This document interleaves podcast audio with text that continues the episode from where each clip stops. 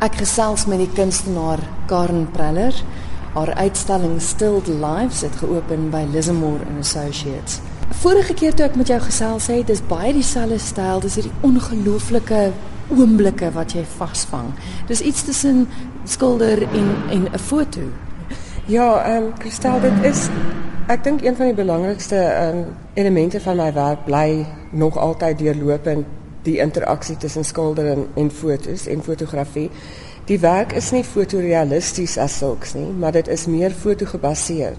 Met ander woorde, dit verwys na fotos en ehm um, ek praat hier meestal van die ou fotos wat ons almal wel van my ouderdom uit ons kinderdae het en ehm um, in albums en fotos wat amper klein voorwerpies word. So dieselfde geld in hierdie uitstalling dat ek weer eens daarmee gewerk het. Maar wat anders is hierdie keer is dat ek dit gekombineer het met 'n ander belangstelling van my, naamlik ehm um, stil lewe. Ja, ons gaan nou kom by die poppe wat 'n ja. ongelooflike groot tema speel. Daai ou foto's wat jy nou van praat, mm. mens kry 'n nostalgie as jy deur jou werk stap. Mm. Dit is asof mens terug verlang, want ek mm. weet almal van ons het sulke foto's. Ja. Daar's een van 'n 'n 'n pa en 'n kind wat op die strand sit. uh, Enetjie van 'n ma wat wat 'n kind. Is dit almal jy in die foto's? Meeste van die foto's is ek. Ehm um, ek het nogal 'n hele klomp foto's van myself omdat ek die enigste kind was. So die werk is noodwendig baie persoonlik van aard, maar ehm um, in jy sal sien in baie van die werke het ek die foto's so gekrap dat van die gesigte afgesny is. En daarmee wou ek ook 'n sekere 'n sekere tyd weergee. Ja. Met ander woorde as jy kyk na die ou draadstoele wat almal gehad het, na die skoene, die rok na 'n sekere ehm um, na die sigaret wat my pa vashou op die strand, na die mure, dan is dit daai detail meer as die persoon noodwendig ehm um, wat mense se wat mense terugvat na na daardie era toe. Want dit is 'n sekere anonimiteit. Ek kan myself ja. in die in die ja. werk sien. Ja, ja dit is daardie anonimiteit en amper 'n distansie, amper objektiewe distansie wat ek wou teweegbring. Die werke is baie privaat, gebaseer op my eie meestal op my eie familieargief. Maar die oomblik as jy dit uitstal word dit 'n uh, 'n uh, publieke en en die ding is dat verskillende kykers verskillend daarna sal kyk. Sekere kykers gaan iets onthou uit hulle eie verlede. Ander kykers gaan dalk 'n uh, iets onthou wat 'n negatiewe konnotasie het met 'n verlede wat redelik beskermd amper 'n tipe charmed life was. Mm. Wat hier 'n uh, uh, ander tipe gesprek um, openbaar, maar dit is nie die die hoofdoel om om enige so tipe standpunt te maak nie. Dit is net konnotasies wat uit die werk voortspruit. Ja. Ons praat gou oor die stil lewe. 'n hele paar van hulle uh, uh, poppe waar jy poppe gebruik ja. het. Ek het uh, met die vorige uitstalling eh, wat ek ook wat ek by Artspace wat nou Liza Morris gehad het, um, was suiwere stil lewe uitstalling. Dit is net nog altyd vir my 'n fascinasie voorwerpe, maar veral ehm um, poppe. Dit is amper asof die pop uh, asof mens 'n 'n lewende siel in die pop wil insien. En dit is 'n 'n 'n groot deel van van 'n kinderlewe, maar dit is ook poppe is is iets wat sentimenteel is maar wat ook tog ontstellend en onthutsend kan wees.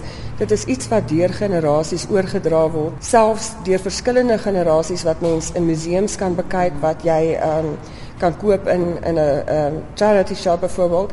En dit is amper die weerloosheid van die pop en die weerloosheid of die fragiliteit van die foto wat vir my wat daar wat daar een of ander sinergie is wat wat ehm um, as mens saam na die werk kyk, dan raak dit amper 'n bietjie van 'n donker nostalgie uh wat moontlik deurkom. Ek dink min mense weet dat jy eintlik eers regte geswat het, né? Ja, wie jy het. ek um, ja, nee, ek het dit was ek is nou baie gelukkiger sonder die regte, maar ek het 'n hele B-prok LLB loopbaan as prokureur gehad en toe as regsadviseur, maar relatief kort in vergelyking met my kunstloopbaan. Ek het toe net besluit en ek ek het die kans gehad om om te begin doen waarvan ek regtig hou en wat ek wil doen.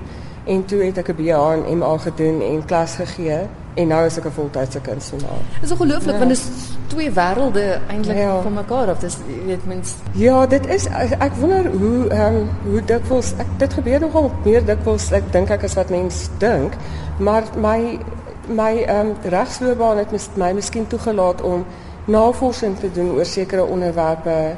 Alhoewel dit is 'n uh, Ek weet nie eintlik hoe om die twee bymekaar te bring. Ek moet sê. Maar wat vir my wonderlik is is dat jy het 'n loopbaan gehad, maar ja. dat jy daai besluit geneem het om te mm. sê ek gaan doen wat my hart vir my sê ek mm. moet doen. Ja. Baie mense is bang om dit te doen. Ja, dit was nie 'n maklike besluit nie. Ek was gelukkig in dat ek vir 'n hele lang ruk deeltydse regswerk kon doen. Maar ehm um, toe ek begin het met kuns, het dit my net absoluut ingetrek. En toe het ek as dosent by Unisa gewerk in kunsgeskiedenis. Die onderwerpe rondom kunsgeskiedenis in die verlede en nou het het my net so ingetrek dat ek nie kon teruggaan na die regte toe nie. So ek het 'n nuwe loopbaan geskep. Dit was beslis nie maklik nie, maar dit was ehm um, vir my die regte be besluit om om om te maak. Ehm um, 'n moeilike besluit na soveel jare en so my kunsloopbaan het noodwendig later begin as wat dit sou begin het as ek dadelik kuns begin swat het. Ek is skrikkelik bly jy het besluit. Ja, dankie. Want daar's my 'n eerlikheid in jou werk. Mm. Ek dink wat wat ek hoop met die werk is dat dit nie heeltemal persoonlik bly nie, dat elke kyker hulle eie stories rondom die werk kan skep. Maar ek het byvoorbeeld in die titels, in sekere van die titels met die poppe, het ek gesê dit is Ella's Dal of Karen's Dal. Ehm um, in die werke wat um, van my en my ma Montgomery Park langlaagte, het ek doelbewus net die name gebruik sodat dit nie dit probeer nie betekenis ehm um, toevoeg tot die werk nie dit die werk moet vir homself spreek. Met ander woorde, dit is nie ek probeer nie deur middel van titels um, en miskien is dit waar 'n sekere eerlikheid ook deurkom. Daar ek probeer nie een of ander betekenis voeg onnodiglik tot die werk.